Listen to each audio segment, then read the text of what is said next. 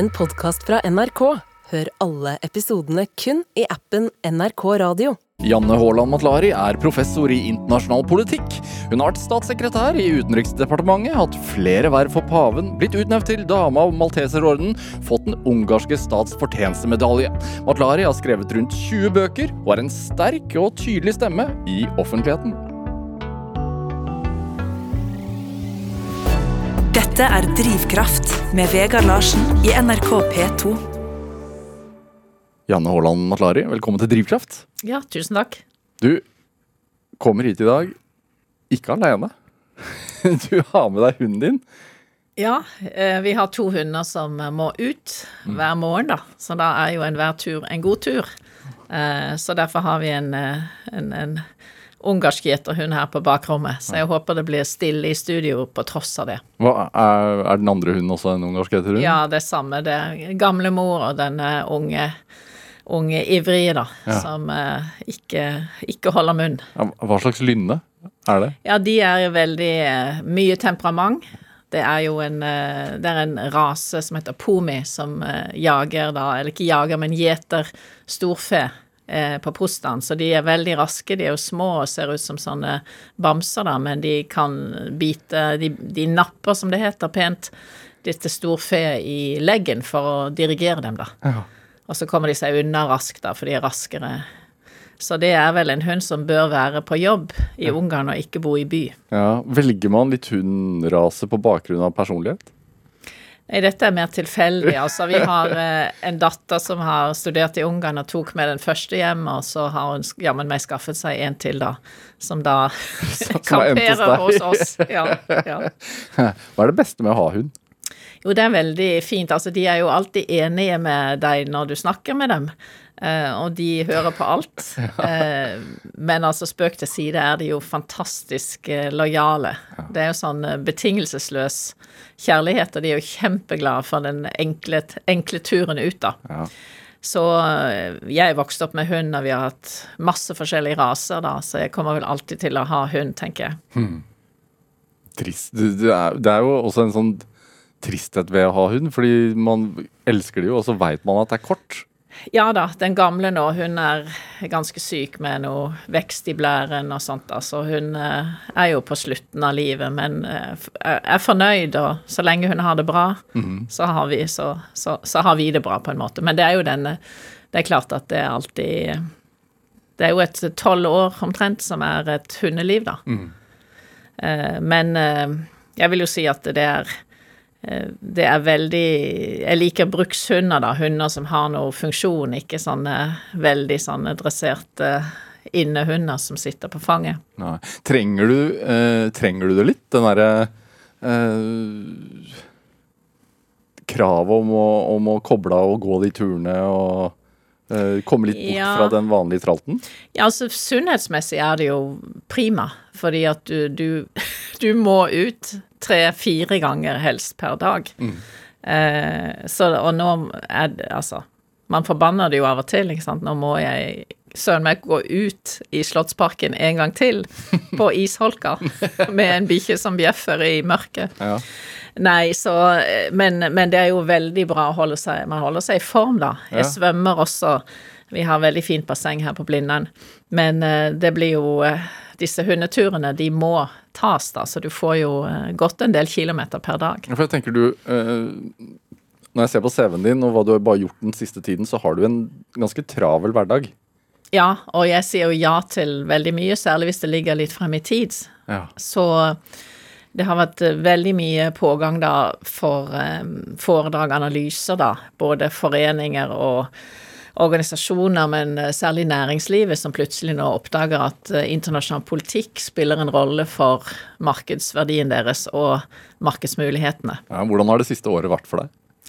Ja, det har vært, eh, som du sier, veldig travelt, fordi først kom denne boken om demokratiet ut, som jeg hadde jobbet med lenge. Den kom ut samme, eller uken etter invasjonen. Demokratiets langsomme død? Ja, den kom ut 3.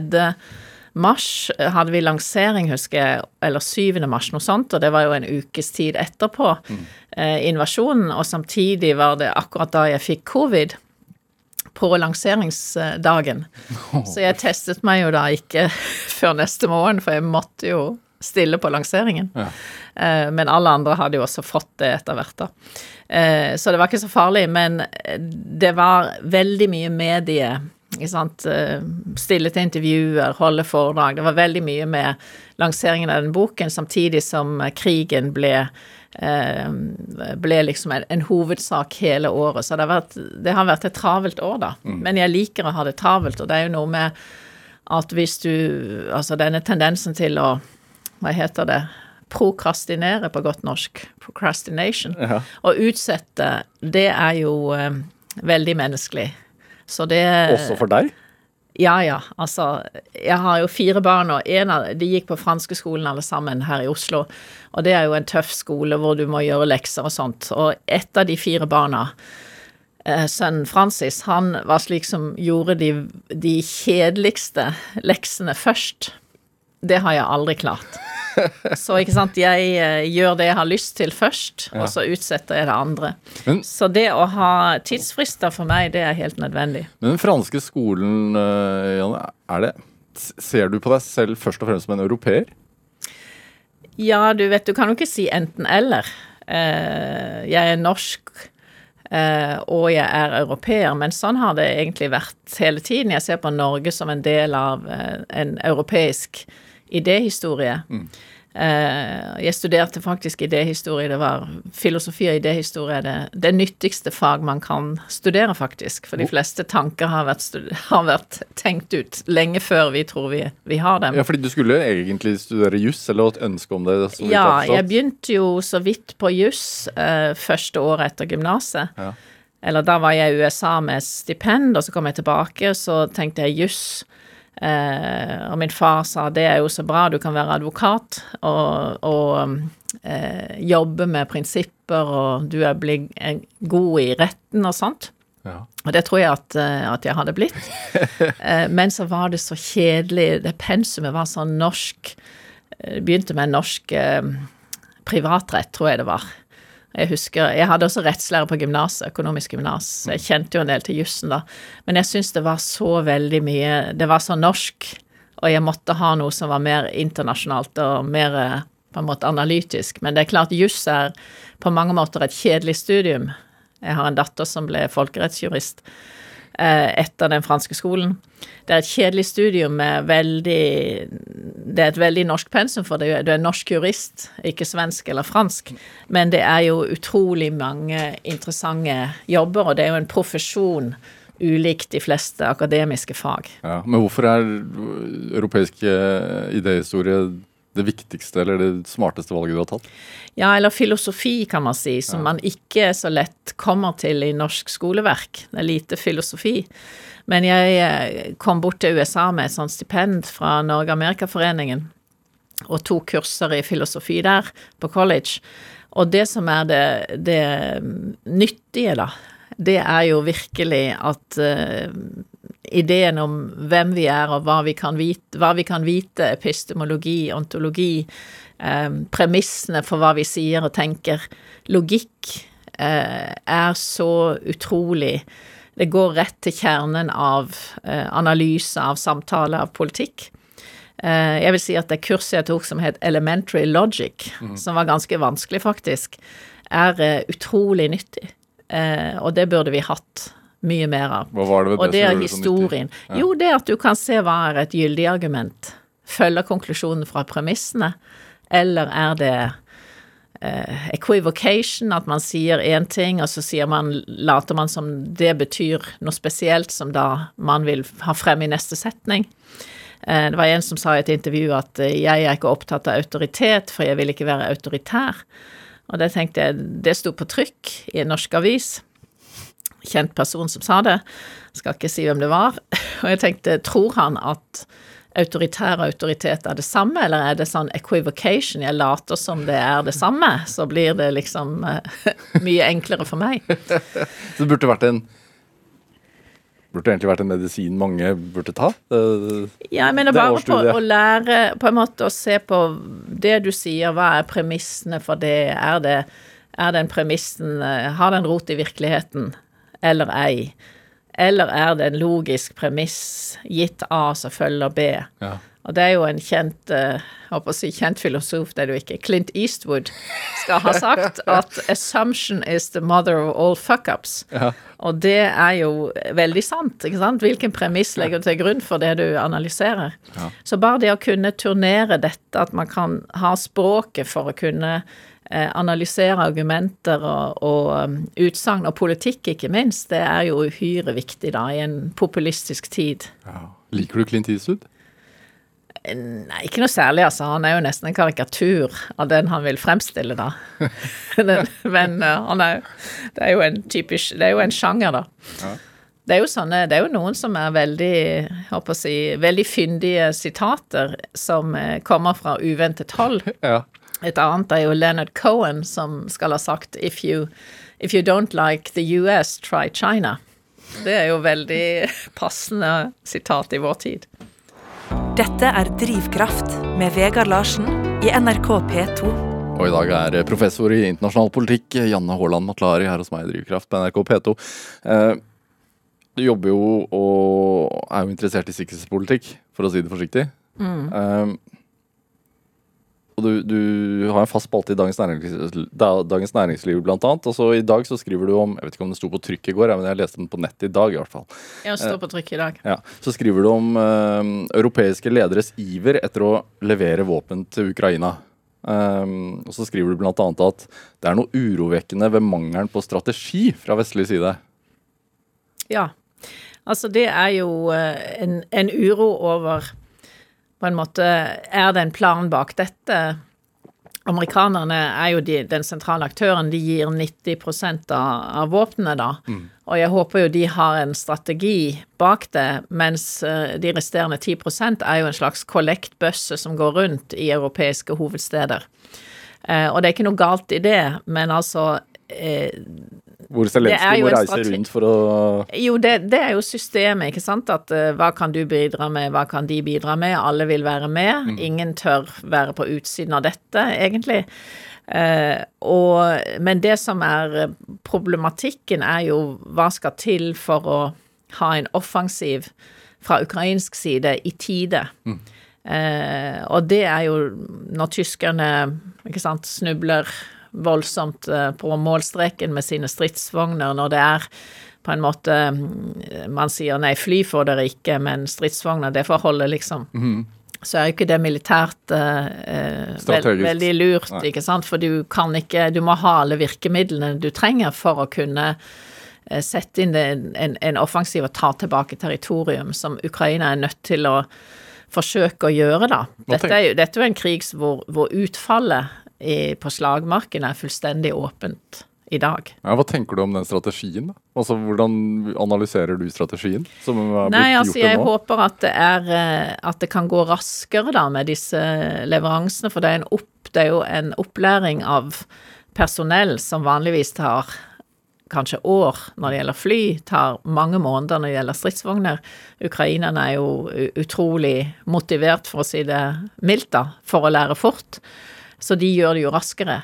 Men likevel så kommer det jo Det kommer jo også forskjellige systemer som kanskje ikke snakker sammen, som har forskjellig opplæring.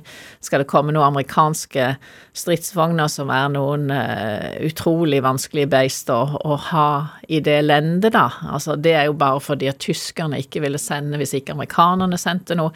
Så det er en, en eh, kan du si en I stedet for en sånn bottom up, dette skal vi oppnå, da trenger vi dette, så er det top down. Her kan dere få det av oss, og det av oss, og så videre. Så det er jo eh, eh, Altså, europeerne er jo ikke vant til å bruke militærmakt overhodet, annet enn i sånne små bidrag til operasjoner langt vekk. Og dette er noe helt annet enn det. Hva gjør det med oss som europeere? Nei, vi må jo også lære fort, da, fordi eh, vi har et, var på en, en holdt et foredrag i går i i um, Rederiforbundet, for de er opptatt av hva, hva kan de, hvor kan de transportere, og hvordan. Eh, liksom hvordan påvirker dette internasjonal handel? Eh, og det er jo klart at europeerne må regne med å ha en, et, eh, en, en- en avskrekkende funksjon da overfor Russland i lang, lang tid fremover. Så denne krigen er jo ikke uansett hvordan den ender, så vil jo europeerne måtte overta mye av problematikken eh, i sitt eget kontinent. For amerikanerne med veldig god rett vil jo si at nå har vi stått i dette, betalt det meste, hatt ledelsen igjen og igjen og igjen i Europa. Dette går jo tilbake til Bosnia-krigen, hvor det var USA som sa nå skal vi gjøre noe. Så kommer vi andre og sier ja, vi er med. Eh, men nå tenker jeg at USA vil ha mer enn nok med Kina og Asia i årene fremover. Europa vil måtte ta lede seg selv eh, i Europa, i sin egen verdensdel. Er vi klar for det, da? Nei, det er jo det vi ikke er. Og det er helt rimelig at vi skal gjøre det, vi har mer enn nok penger til det. Mm. Eh, men vi må jo da ta både risiko og ledelse, altså. Du må lede, noen må lede, og den aktøren må ta risiko. Og hvem skal lede? Ja, det blir jo i formelt sett er det jo Nato som blir det sentrale. EU er jo mye mindre sentralt på dette feltet nå, men EU er viktig på sanksjoner osv. Eh, men det blir jo Nato, men det betyr da ikke 32 land. Det betyr jo eh, at USA er med, men kanskje mer tilbaketrukket, da. Mm. Eh, og det betyr britene, og så bør det bety franskmennene, som er de to eneste strategiske stormaktene i Europa. Ja, Britene har jo nok med innenrikspolitikken for tiden, da. Ja, altså det er jo en kamp om forsvarsbudsjettet, og det er jo veldig mye høy inflasjon i Storbritannia. Det, det rakner jo ganske mye i, i britisk eh, innenrikspolitikk, da. Mm. Og det har jo vært veldig mye utskiftninger av ministre og statsministre i lang tid nå. Så det er et problem, og Frankrike har jo andre strategiske interesser enn å avskrekke Russland, egentlig, selv om det er de er jo med på dette, men de har jo blikket vendt mot Magreb, Midtøsten, mm. eh, mot eh, islamistisk terror som problematikk. Hva med Tyskland, da? Ja, de har penger, da. Så de Men det er jo altså eh, Dette er jo sånn Dette har selvfølgelig med historien å gjøre. De har jo brukt opp all sin eh, militære kapital, på en måte, sin eh, sin, sin, evne til å bruke militærmakt har de jo eh, kjørt i grøfta to ganger, da. Mm. Sånn at jeg forstår jo at de unngår det militære virkemiddel, men de er jo de som har råd til å bruke mer, og de har jo nå Scholz har jo lovet å bruke mye mer, men vi så jo hvordan liksom det ble a hotbed of cold feet når eh, man skulle ta en beslutning som involverte risiko. Så det vil jo ta tid før tysk Tyskerne har jo en bratteste læringskurven i Europa nå, for de har jo hatt et tett, tett samarbeid med Russland, veldig mye penger. Mye investeringer, mange arbeidsplasser, mye bedrifter eh, som fremdeles er i Russland.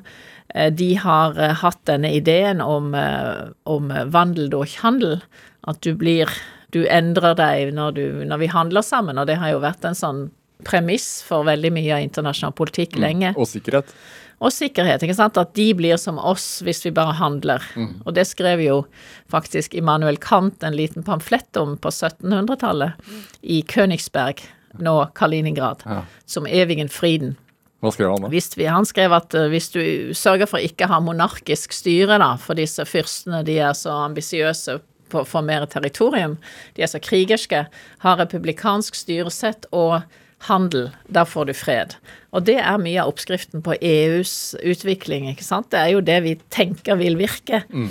Men det har da ikke virket med akkurat med Putin, med Russland, og det har jo heller ikke virket med Kina. Nei. Hvorfor ikke det, tror du? Ja, det er et mysterium. Altså, jeg tenker, hva er vår logikk? Jeg holder på å skrive en uh, ny bok for Kagge nå som, som, helst bør komme ut i vår, da, som heter 'Verden blir ikke den samme'. Mm. Om uh, vår nye sikkerhetspolitiske hverdag. Uh, og jeg prøver å, å tenke hva er logikken bak å ville ta Ukraina? Og man kan jo se en logikk i det fra russisk side, at eh, her er et land som kanskje blir Nato-medlem, ble tilbudt i 2008, som kanskje blir EU-medlem, som vil inn i Vesten, være demokratisk, mm. selv om det er et uhyre korrupt land, eh, men vil gå vestover. Og dette digre landet er da grensene til Russland, blir en modell kanskje for russere. Slik at det Ikke sant, autokratiene som ikke tåler liberalt demokrati, eh, de har jo en god grunn til det, fordi hvem overlever et reelt valg? Eh, Så frykten for oppstand, frykten for revolusjon, er jo reell for kineserne også, når du skal Tenk om du skulle kontrollere 1,4 milliarder mennesker, da. Da ville du jo blitt nervøs hvis ikke du hadde harde maktmidler til å gjøre det med. Så jeg tror det er denne Altså, Kina er jo en annen historie, men Kina eh, vil jo eh, Altså trenger jo vestlige investeringer, trenger jo eh, på en måte globalisert økonomi for å opprettholde og øke kan du si, inntektene. Samtidig så vil Kina ikke ha vestlig kritikk på menneskerettigheter, på De vil ikke ha denne kritikken, eh, ikke ha de, de har jo alliert seg med Russland. Sånn at, eh, og vil jo sannsynligvis prøve å ta Taiwan tilbake, eller ta Taiwan, da. Og det Så det er jo en militarisme eh, som peng, rikdommen omsettes i militær makt, som vi nesten trodde var for, liksom utdatert. Men det er det da tydeligvis ikke. Er det også når boken din som du, som du sitter og skriver nå, 'Dette endrer alt? Nei, hva var tittelen? Nei, altså, arbeidstittelen er 'Verden blir ikke den Verden samme'. blir ikke den samme. Og, Det endrer ikke alt. Jeg mener, dette er en krig blant hundrevis av men, i historien. Men, men på hvilken måte blir den ikke det samme? Hvis man, også Uansett utfall da, av denne krigen. Ja, det er jo det at aggresjonskrig, eh, det å angripe et annet land med prøve å invadere et helt land, det er jo en skala som er noe helt annet enn å liksom bite av en, en bit, som Krim, selv om prinsippet er det samme. Eh, og da eh, krigføringens, på en måte, den umenneskelige måten å krige på, alle, alle, alle bruddene på Genévekonvensjonene, det gjør jo at eh, man kan ikke liksom slå en strek over dette og si at eh, ja, ja, nå har vi en fredsavtale, så blir alt som før. Så det er jo eh, Det som ikke blir det samme, det er jo at Russland må avskrekkes fordi Russland er i stand til å bruke Altså ikke bare i stand til, men har vilje til å bruke militærmakten på denne eh, uhørte måten, da. Uhørt i moderne tid. Eh, det er jo forbudt å, å, å angripe et annet land, da, ut fra FN-pakten. Det er forbudt å angripe sivile i Genévekonvensjonene. Sånn at eh, her er det en verdikollisjon av de helt store, og prinsipp, kan du si. Eh, alt vi har vært vant til som liksom regelsettet, eh, blir da utfordret. Og det betyr at Vesten, eh, særlig europeerne, da, må være i stand til å beskytte disse prinsippene med, med nok makt, da, med avskrekkende makt. Mm, vi har vært naive. Det, det er det nye, da, at vi må bruke penger på forsvar og være Altså ta militærmakten alvorlig igjen, selv om vi tenker at det egentlig burde vært bortkastede penger og tid. På hvilken måte vil den europeiske identiteten endre seg? Ja, altså Europa har jo eh, levd i, ikke si skyggen av, men altså levd med den amerikanske sikkerhetsgarantien som eh, bunnplanken i mange årtier nå. Og det er jo Henry Kay på 97, Kissinger. Han eh, har sagt hvert tiår, da, han sier han har verdensrekord i å si dette til europeerne, at nå må dere betale mer for egen sikkerhet og ta ansvar i egen region. Og det er jo absurd at det er USA som etter så mange år etter annen verdenskrig fremdeles har kapasiteter som vi ikke har, som vi da ikke behøver skaffe oss, er de som skal betaler altså 70% av Natos budsjett minst. Altså det er på en måte en sovepute. Tyskerne har hatt østhandelen, de har hatt partnerskap med Russland, de har hatt billig energi, de har eh, solgt og produsert i Kina, mens amerikanerne har på en måte garantert Tysklands sikkerhet og Europas sikkerhet. Så de, det er en, en sånn freeriding som, eh, som nok vil ta slutt. Altså det vil bli Amerikanerne vil være i Nato, selvfølgelig. De har all interesse og behov eh, for allierte. Men det må bli mer av et, et like, likeverdig partnerskap mellom Europa og USA. Hvorfor har amerikanerne gått med på det så lenge? Ja, det er jo um, Det er klart amerikanerne har strategiske interesser i å bygge opp Europa. Det hadde de jo etter annen verdenskrig. Marshallhjelpen var jo en enorm økonomisk pakke. Nato var den eh, sikkerhetspakken, da. Um, og USA har jo bruk for allierte. Har, altså, vi er jo de vestlige liberaldemokratiene over Atlanteren. Det er jo dem og oss, liksom, som er kjernen i Vesten. Så der har jo Og dagens eh, politikere i Washington forstår jo det veldig godt. De konsulterte jo i stor detalj med europeiske allierte i eh, før denne krigen i Ukraina, f.eks. Mm. Eh, men europeerne har jo Det er klart, altså det Forsvar er kjempedyrt. Og ikke sant, Napoleon satte opp eh, skatten på salt han for å få inn ekstra penger til krigføring. Mm. Det koster så mye med moderne militære kapasiteter, og hvert lille europeisk land har kanskje en egen våpenindustri, har eh, jeg tror det er åtte-ni flysystemer og ditto stridsvogner, ikke sant, at hvert nasjonale eh, Hvert land har liksom sitt, sitt, eget system, og da får du kritisk masseproblematikken veldig fort. Du har ikke råd til å ha mange. Så vi må ha mer integrasjon av disse forsvarspengene i Europa, mm. men der støter man mot eh, nasjonale sant, suverenitetsinteresser. Men det er ingen tvil om at uh, denne krigen også fører til mer militær integrasjon.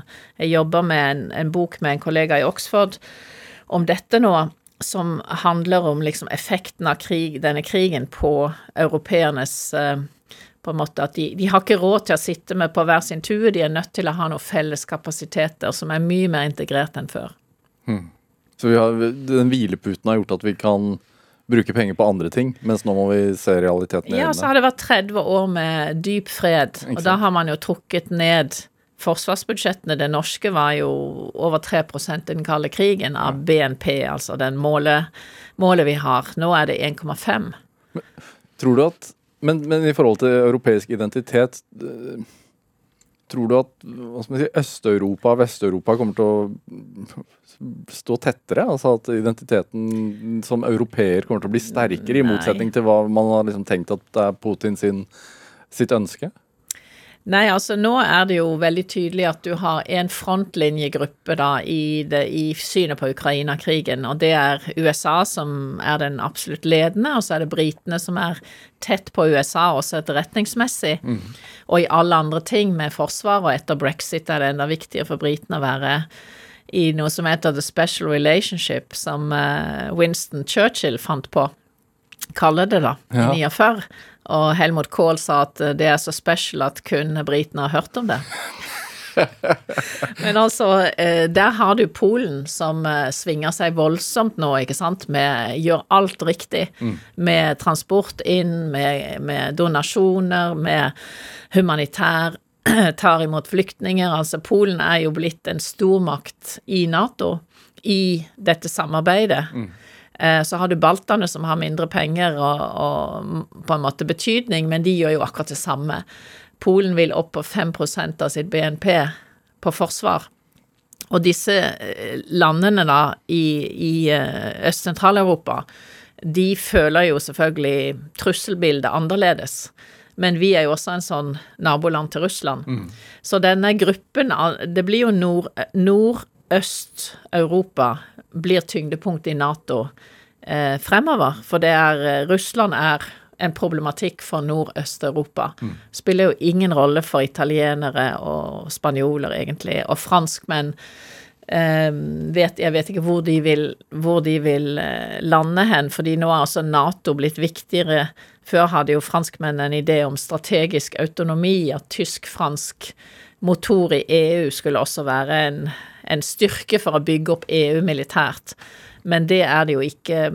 Nå er jo EU veldig viktig på sanksjoner og politiske virkemidler, mm. økonomi, politikk, og Nato mye mer på eh, det militære. Så liksom de to organisasjonenes arbeidsdeling er blitt mye tydeligere nå. Det er jo eh, en, en, menneskelig tragedie som, som, skjer nå, men sånn rent uh, faglig, for, for, å si det, for, si det sånn, i forhold til eh, din bakgrunn. Hvor interessant er den tiden vi er i nå, for deg? Ja, altså, det var jo eh, Jeg har alltid vært interessert i, i internasjonal politikk, da, i statsvitenskap. Mm. Um, eh, og jeg er gift med en som kom som ung mann, som ung gutt, flyktning fra Ungarn. Eh, og hans far var en, en krigshelt i Ungarn da, i annen verdenskrig. Eh, en kjent general. Eh, og min mann måtte ha dekknavn da han kom til Oslo, fordi at eh, han, han var klassefiende under kommunismen, da. Klassefiende var alle de fra toppen av samfunnet som ikke skulle da kunne gå på skole osv. Så, videre. så vi trodde jo aldri, og han reiste aldri tilbake eh, før 1990. Mm. Så, så, liksom det store, den store uh, tingen som skjedde, var jo at Sovjetunionen råtnet på rot i 1990 omtrent og at grensen, at jernteppet forsvant. Og så har vi hatt denne fantastiske eh, perioden hvor Nato EU og Europarådet kunne ut, utvide seg. Um, og så får vi da en revisjonisme, et forsøk på revansj mm. nå, da. Uh, så jeg vil jo si at det uh, Dette bør jo ikke være så overraskende, men det er jo en funksjon av makta. At, uh, at militærmakten ligger i bånn der, som eh, det man tilpasser seg maktens primat, og det er jo Karl Marx ikke sant, som skrev om den strukturelle økonomiske makten, og det er jo den samme funksjonen som denne militærmakten har. Mm. Men Europa har jo tenkt, eller vi har jo tenkt, og jeg har jo også tenkt sånn at eh, nå er det så logisk at alle vil ha en win-win world. Globalisering, ikke sant, du blir rikere av det, du er komparative fordeler alle kan reise hvor de vil. Eh, altså det, det, er på en måte Grenser betyr ingenting, territorium er ikke viktig. Mm. Uh, ideene går alle i demokratisk retning. Mm.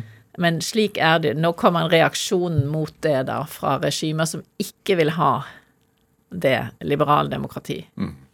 Jan Olav Maslari, vi skal spille litt musikk. Du har med en uh, Frans Schubert-låt. Um, låt. Et stykke, låt? Det heter ikke låt. Nei, det er, jeg vet det. En stykk. En stykke. En lead. Ja. Uh, et musikkstykke, uh, det er jo det man sier. Ja. ja. Uh, Der Erkönig. Hva, hva, er dette for en, et stykke? Det er pensum i tysk ja. når du gikk på gymnaset i Mandal. Nei, det er sånn en sviske, kan man si, da. Være litt sånn Uh, uten respekt, da, men det er jo en sånn klassiker i litteraturen. Uh, Schubert Lied med Goethe-tekst og en, uh, et dikt da om faren som rir gjennom natten med sønnen sin som er syk, for å komme til lege, da. Mm. Og sønnen er dødssyk, og sønnen ser da liksom denne alvekongen i skogen, at han, nå kommer han og tar han meg, sier, roper sønnen da, og så sier faren nei, nei, jeg holder deg fast, jeg holder deg trygt, og så hører vi galoppen i musikken, da. Hesten galopperer. Og så er det da en Tragedien er, er fullbrakt da de kommer frem, og sønnen er død. Hva rører det i deg? Nei, altså jeg er veldig glad i tysk eh, litteratur og studerte tysk, germanistikk som det het, eh, og jeg lik, liker veldig godt Schubert. Eh, altså disse, denne Schubert-litteraturen, og mye klassisk musikk for øvrig. Kunne tatt noe Wagner, men det er litt tungt på formiddagen. Eh, så, mm, så, dette Så jeg hørte på Da jeg var student, så hørte jeg på Schubert da, fremfor eh, liksom 80-tallspopen.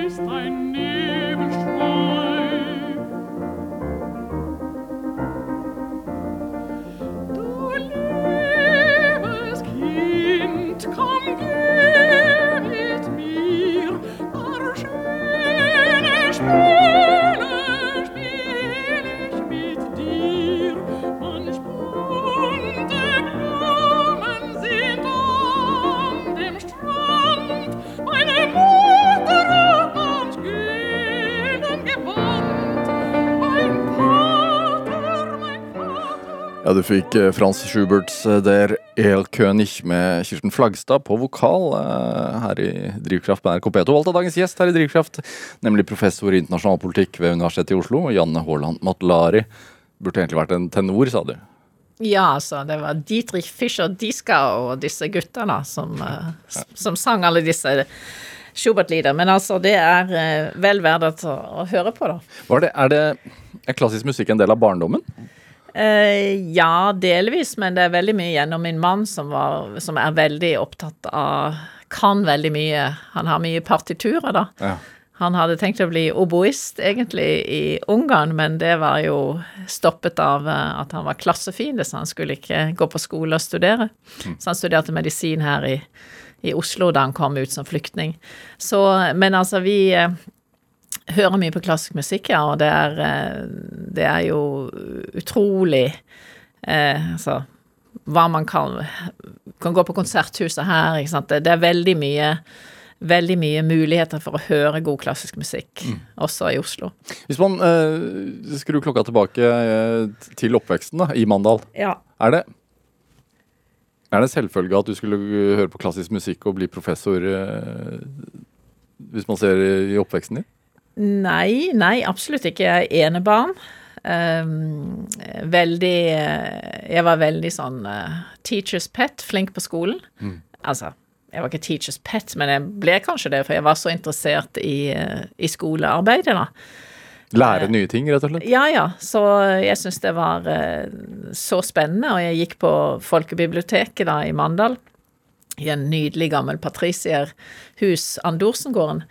Og der husker jeg at det var åpent på barneavdelingen fra fire til seks tirsdag og torsdag. To bøker kunne du låne hver gang, så jeg lånte fire per uke da, og jeg prøvde liksom alltid å, argumentere for å låne mer. Så jeg leste jo veldig mye eh, i barndommen, og mine foreldre også. Vi har to hus i Mandal, og de er fulle av bøker. Eh, så, eh, så jeg var veldig Visste at jeg ville studere noe, men jeg syntes jo det var kjempeskummelt å dra til Oslo. Så det var mye greier da for stipend å dra til USA.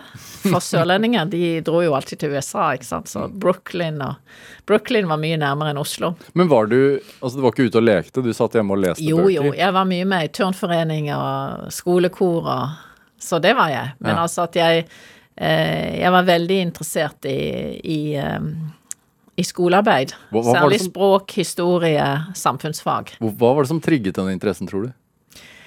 Nei, det vet jeg ikke. Min far leste jo alltid mye for meg fra jeg var bitte liten, da. Og eh, som sagt, vi leste mye hjemme. Vi var siste familien som fikk TV, tror jeg. Det husker jeg enda, at eh, vi hadde en sånn upedagogisk lærer som sa kan, eh, kan de som ikke har TV, rekke opp hånden? Og da var jeg den eneste, da, så jeg gikk hjem og gråt. Og da måtte jo vi også kjøpe TV, men min far var veldig imot det, for han mente at da tok det vekk oppmerksomheten fra tiden til å lese, da. Hva syns du nå, i dag? Ja, altså det er jo Vi sløver jo foran TV-en av og til og ikke orker å gjøre noe annet, da. Men eh, det er jo sånn eh, Det var jo sånn debatter man hadde da på den tiden. Svart-hvitt TV kom, og til og med farge-TV. Og var det sunt å se så mye på TV? Hva sløver Janne Haaland Matlari med, lurer jeg på da? Jo, det er jo engelsk krim. Jeg elsker engelsk krim, da. Eh, og altså Nordic noir. God krim. Ja. Det er jo veldig gøy. Med et snev av sannhet, eller eh, Nei, jeg liker jo også Jeg liker jo sånne klassiske filmer, sånne spionfilmer og litt sånn uh, thrillere, men jeg liker veldig godt disse britiske, da. Ja. Og de har vi jo sett altfor Det er jo liksom Louis og Louis og Morse, det er jo, gam, det er jo eldgammelt nå, da. Sitter dere hjemme og gjetter, da? Gjetter på hva? På hvem morderen er, selvfølgelig. Å ja, ja. Nei, det må jo Altså, hvis det er litt intelligent, ikke sant, at du du ikke kan uh, finne ut av det. Hvis du kan, du har clues hvor du kan finne ut av det, men Ja. ikke er så lett, det er jo det mest spennende, da. Altså, eh, så, hvis jeg forstår det rett, så, så vokste du opp i et ikke-troende hjem? Ja, eller det var jo en respekt for eh, kirken, jo, man var, men man var ikke aktiv. I, på Sørlandet var det veldig sånn Var du med i menigheten aktivt, eller var du ikke? Og i Mandal var det én forening som ikke var eh, religiøs, da. Og det var Turnforeningen. Så der var vi veldig Altså, mine foreldre var veldig dyktige turnere. Overturnere og sånt, da, som det het. Eh, Så de var med mye der, da. Så jeg var ikke med i, eh, i disse menighetsforeningene i noe stor grad. Men jeg hadde jo ikke noe imot det, men det var liksom Jeg var ikke veldig engasjert da. Men så, så, så, det er selvvalgt? eh, altså det, det å konvertere til å bli katolikk? Ja, det kom mye senere. Det kom mye senere. Og det kom egentlig da jeg studerte i USA og studerte filosofi, eh, så var jo det spørsmålet liksom Finnes det en sannhet? Finnes det noe utenfor en selv som ikke er subjektivt? Um, eh, Fins det en etisk um, Fins det noe etikk som er på en måte objektivt sant eller ikke? Og det er jo spørsmål om menneskerettigheter og, og så. Eh, og det kalles jo i den katolske tradisjonen for naturrett. Og det har jo ingen, ingenting med kristendom direkte å gjøre, men heller indirekte.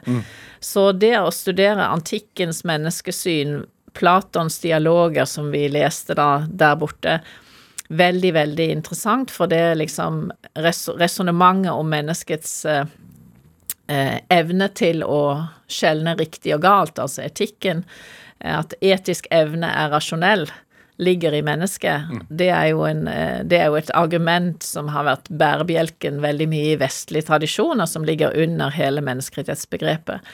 Så jeg ble interessert i det i, gjennom filosofihistorie. Eh, og så kommer kristendommen, eh, Thomas Aquinas, på 1200-tallet, som er professor i Paris, det nylig, det nylig grunnlagte universitetet i Paris, eh, hvor han gjenoppdager Aristoteles, den antikke tradisjonen som har vært på rundtur i Midtøsten blant arabiske filosofer i flere hundre år.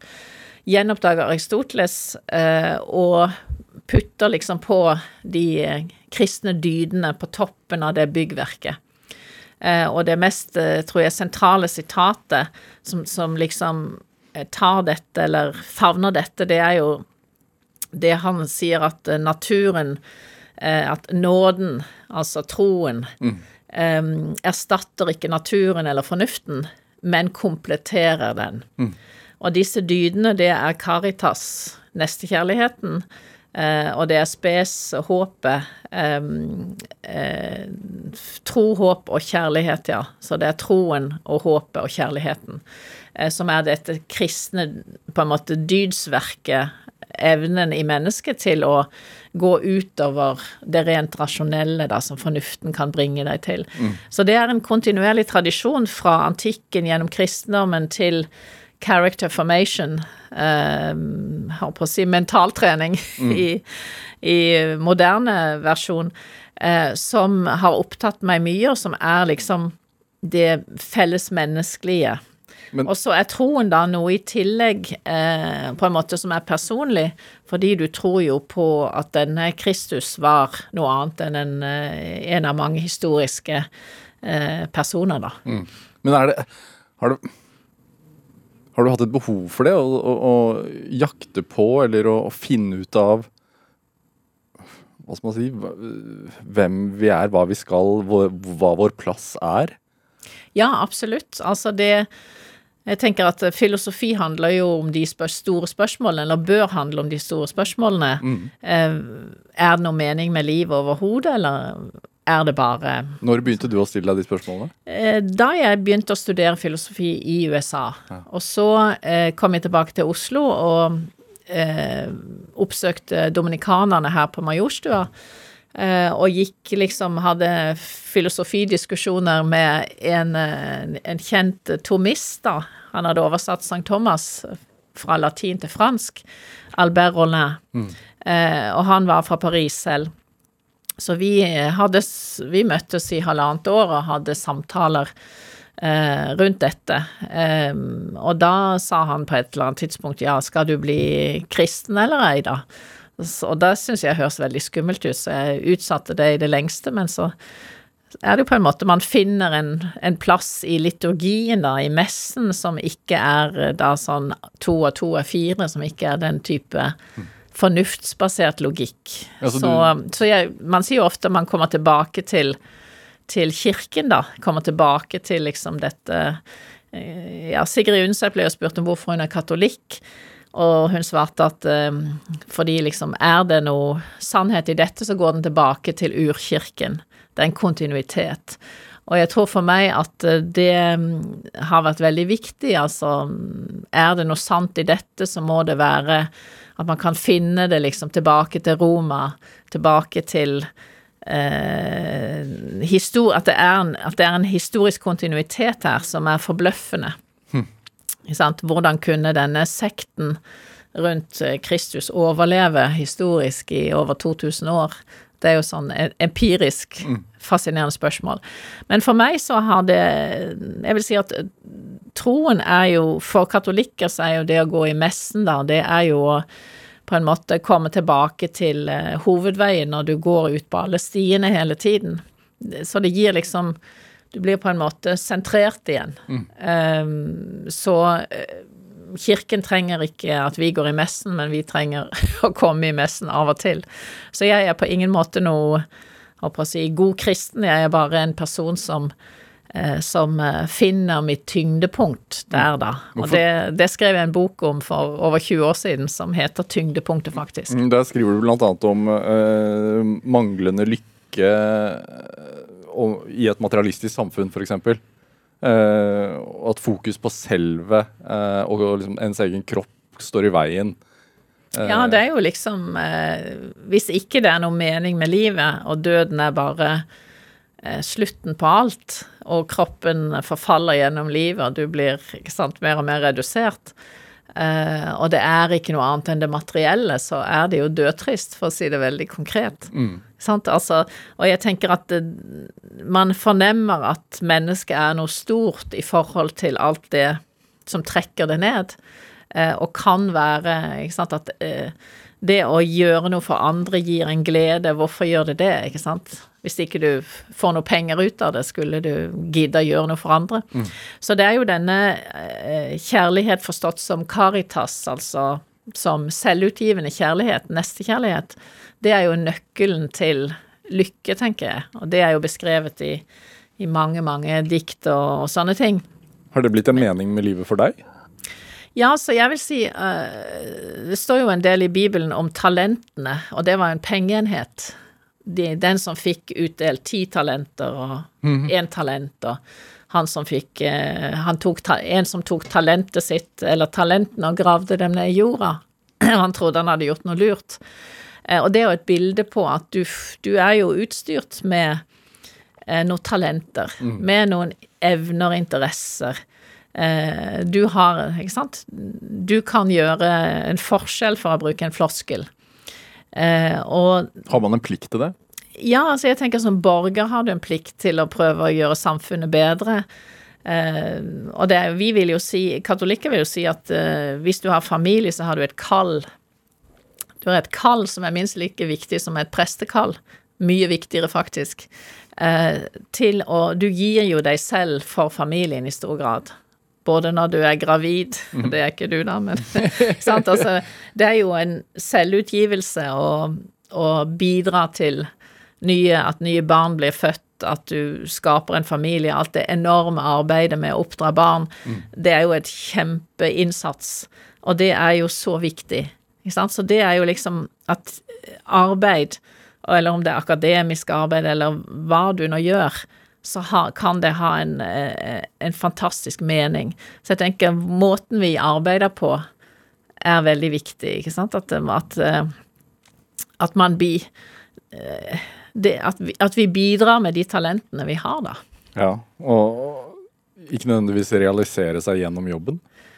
Nei, altså jeg tror det er jo, det er jo en, en, en ungarsk psykolog fra Transylvania som heter Sent Mihai et eller annet, kjempevanskelig navn. Sent Mihai Miklos. Han som oppfant dette begrepet flow, du har sikkert hørt om det i psykologien, at når du arbeider med riktig intensjon og mm, liksom eh, interesse, da er du i en flow-situasjon. Mm. Da eh, er du så kreativ, da er du så lykkelig. Eh, og det er jo eh, akkurat det jeg mener at de eh, Noen er flinke til det, og noen er flinke til det. Og, og det er ingen rangering i hva som er viktig. Men å gjøre ting med eh, jeg håper å si riktig intensjon, da. Ville gjøre det gode, på en måte. Ville være dyktig i det du gjør. Eh, det er jo Det er en eh, Det er jo meningen, på en måte. Og jeg tenker det, jeg finner veldig stor mening i det, det jeg gjør akademisk. Eh, og når jeg, når jeg er interessert i det, så blir det, blir det bra. Og jeg finner jo enda større mening i å være mor og ha familie, ikke sant. Alle de tingene du, du, du både får og gir i et liv som, som ligger i det. Hvilke talenter hadde du fra tidlig av? Har du klisterhjerne? Hva? Har du klisterhjerne? Er du født med det? Eh, nei, nei, nei. Nei. Nei, altså um, Jeg ble flink til å skrive. Jeg tror jeg er flink til å skrive. Uh, og til å snakke, til å argumentere. Flink med ord. Uh, og det har jeg jo fått fordi jeg har, jeg har lest mye og vært interessert i det, og da blir du god til å skrive også, da. Um, og så har jeg alltid vært veldig opptatt av å kunne påvirke Jeg vil gjerne påvirke samfunnet, jeg vil formidle. Jeg har aldri vært sånn forsker som vil sitte i fred i noe Eiffelbernstårn. Aldri. Selv om jeg liker veldig godt å analysere noe i dybden. Altså, jeg må ha friheten. Jeg kan ikke Jeg må ha friheten til å skrive og uttrykke det som som er liksom Forskning er jo å finne sannhet om noe i den grad det er mulig, og liksom ærlig prøve å finne ut av noen spørsmål. Og den eh, det liksom God analyse, det er liksom Du vrir hjernen, det er så Det er som kjempegod trim, men det er eh, Og det er så viktig. Så det er liksom det analytiske jeg. Og så er det det operative jeg. Jeg har alltid likt å kunne Statsvitenskap er jo det Aristoteles han skriver masse om statsvitenskap. Pol politikk kalte han det, da. Om eh, politikken er den høyeste vitenskap, sa han, bortsett fra filosofien, som er der på topp. Men politikken er den praktiske, høyeste praktiske vitenskap. Og det tenker jeg at statsvitenskap, hvis det er noe fag i det hele tatt, sant? at ikke det bare er sånn moderne historie som mange briter tenker det er. Vi kaller det jo statsvitenskap, veldig høytidelig. Men eh, hvis det har noe eh, reell plass, så er det jo som et praktisk fag for å rådgi, for å bidra til endring i samfunnet. Så jeg har alltid elsket og eh, ønsket og også likt å skrive i aviser, skrive artikler. Har vært spaltist i mange aviser, og helt fra jeg var ung, så drev jeg og skrev i lokalavisen. Og jeg husker en sommer det var så kjedelig, så jeg skrev både for- og motinnlegg om samme sak, da, med pseudonym. Og få litt fart i debatten. Du skrev et innlegg, og så var det ingen som responderte, så da ja, må jeg, jeg gjøre det jeg selv. skrev liksom, og så skrev jeg en gang et innlegg om at de lokale mandalittene måtte ha fortrinnsrett i køene da i butikken når alle turistene kom. Og, hva, og hva, hva var svaret du ga? Nei, jeg, jeg skrev det under et pseudonym, da. Men jeg, jeg tror aldri det kom noe svar. Men altså, det, jo, det var vel noen reaksjoner på det. Ja. Så du har hatt et ønske Men jeg liker det der liker å skape debatt. Ja, og så skrev jeg i Fedrelandsvennen og kjente redaktøren der som het Johannes Seland. Som var en sånn legendarisk redaktør. Ja. Eh, og det var denne britiske liberale tradisjonen hvor man satte pris på vidd, wit, og skrive litt sånn morsomme ting. Og det har jeg alltid likt, og det savner jeg i norske eh, medier i dag, at eh, det er liksom Det er lite sånn selvironi eller elegante formuleringer. Veldig mye floskler. Mm. Og, og jeg skrev i Aftenposten i, i mange år i den signert-spalten de hadde da. Og da husker jeg en gang jeg skrev en artikkel som bare besto av floskler. Og den het 'Fordi du fortjener det', eller noe sånt. Hele artikkelen var bare floskler, og da var det mange som spurte hva, hva var det handlet om det. Ja. Men det, jeg greide å lage en hel artikkel bare av floskler. Da koste du deg. Mm. det er morsomt. Når du går i debatter og sånn, pleier du å øve sånn Hva vil motdebattanten mot, uh, si? Altså, debatterer du mot deg selv da? Nei, Nei. jeg tenker aldri noe særlig på det. Altså, det er jo sånn Det er jo så Det er jo lettspill ofte. Og jeg må bare si at jeg gikk en gang på mediekurs da jeg jobbet på NUPI. Mm. Så hadde vi Tom Berntsen herfra og en annen sånn de kjente fra Dagsrevyen på den tiden. Og da sa Tom Berntsen ja, når dere blir intervjuet på Dagsrevyen, så har dere liksom fem sekunder. Så aldri tenk på hva spørsmålet er, bare svar det du hadde tenkt å si. Det tror jeg er mange som har tatt til seg, dessverre, holdt jeg på å Ja, si. Eh, Janne Holland Matlari, hva, hva tenker du er drivkraften din? Ja, faglig interesse. Eh, ja, faglig interesse, familie, samfunnsinteressen. Altså drivkraften i det jeg gjør, det er eh, samfunnsinteressen. Det er en faglig interesse som også er en politisk interesse. Janne Olla Matlari, tusen tusen takk for at du kom hit til Drivkraft. Hør flere samtaler i Drivkraft på nrk.no eller i appen NRK Radio. Send oss gjerne ris eller ros, og også tips til mennesker som du mener har drivkraft. Send en e-posten til drivkraft.krøllalfa.nrk.no. Vi hører veldig gjerne fra deg. Produsent i dag det var Kjartan Aarsand, mens Camilla Bolling Muir gjorde research til sendinga. Men dette, dette var Drivkraft. Jeg heter Vegard Larsen. Vi høres. Du har hørt en podkast fra NRK. Hør alle episodene kun i appen NRK Radio. Hele historien. En podkast fra NRK. Mange pasienter frykter at de har blitt operert av legen som står eh, bak feiloperasjoner på Sørlandet. I elleve år skjærer en lege i kropper uten å ha riktig utdanning. Så sier han bare det er koldbrann. Og så var det bare til med kniven og så kutte. På et lite sykehus blir flere titalls pasienter skadet for livet, og noen dør. Da tenkte jeg bare Har han ødelagt hele livet for meg? Hør kirurgen i appen NRK Radio.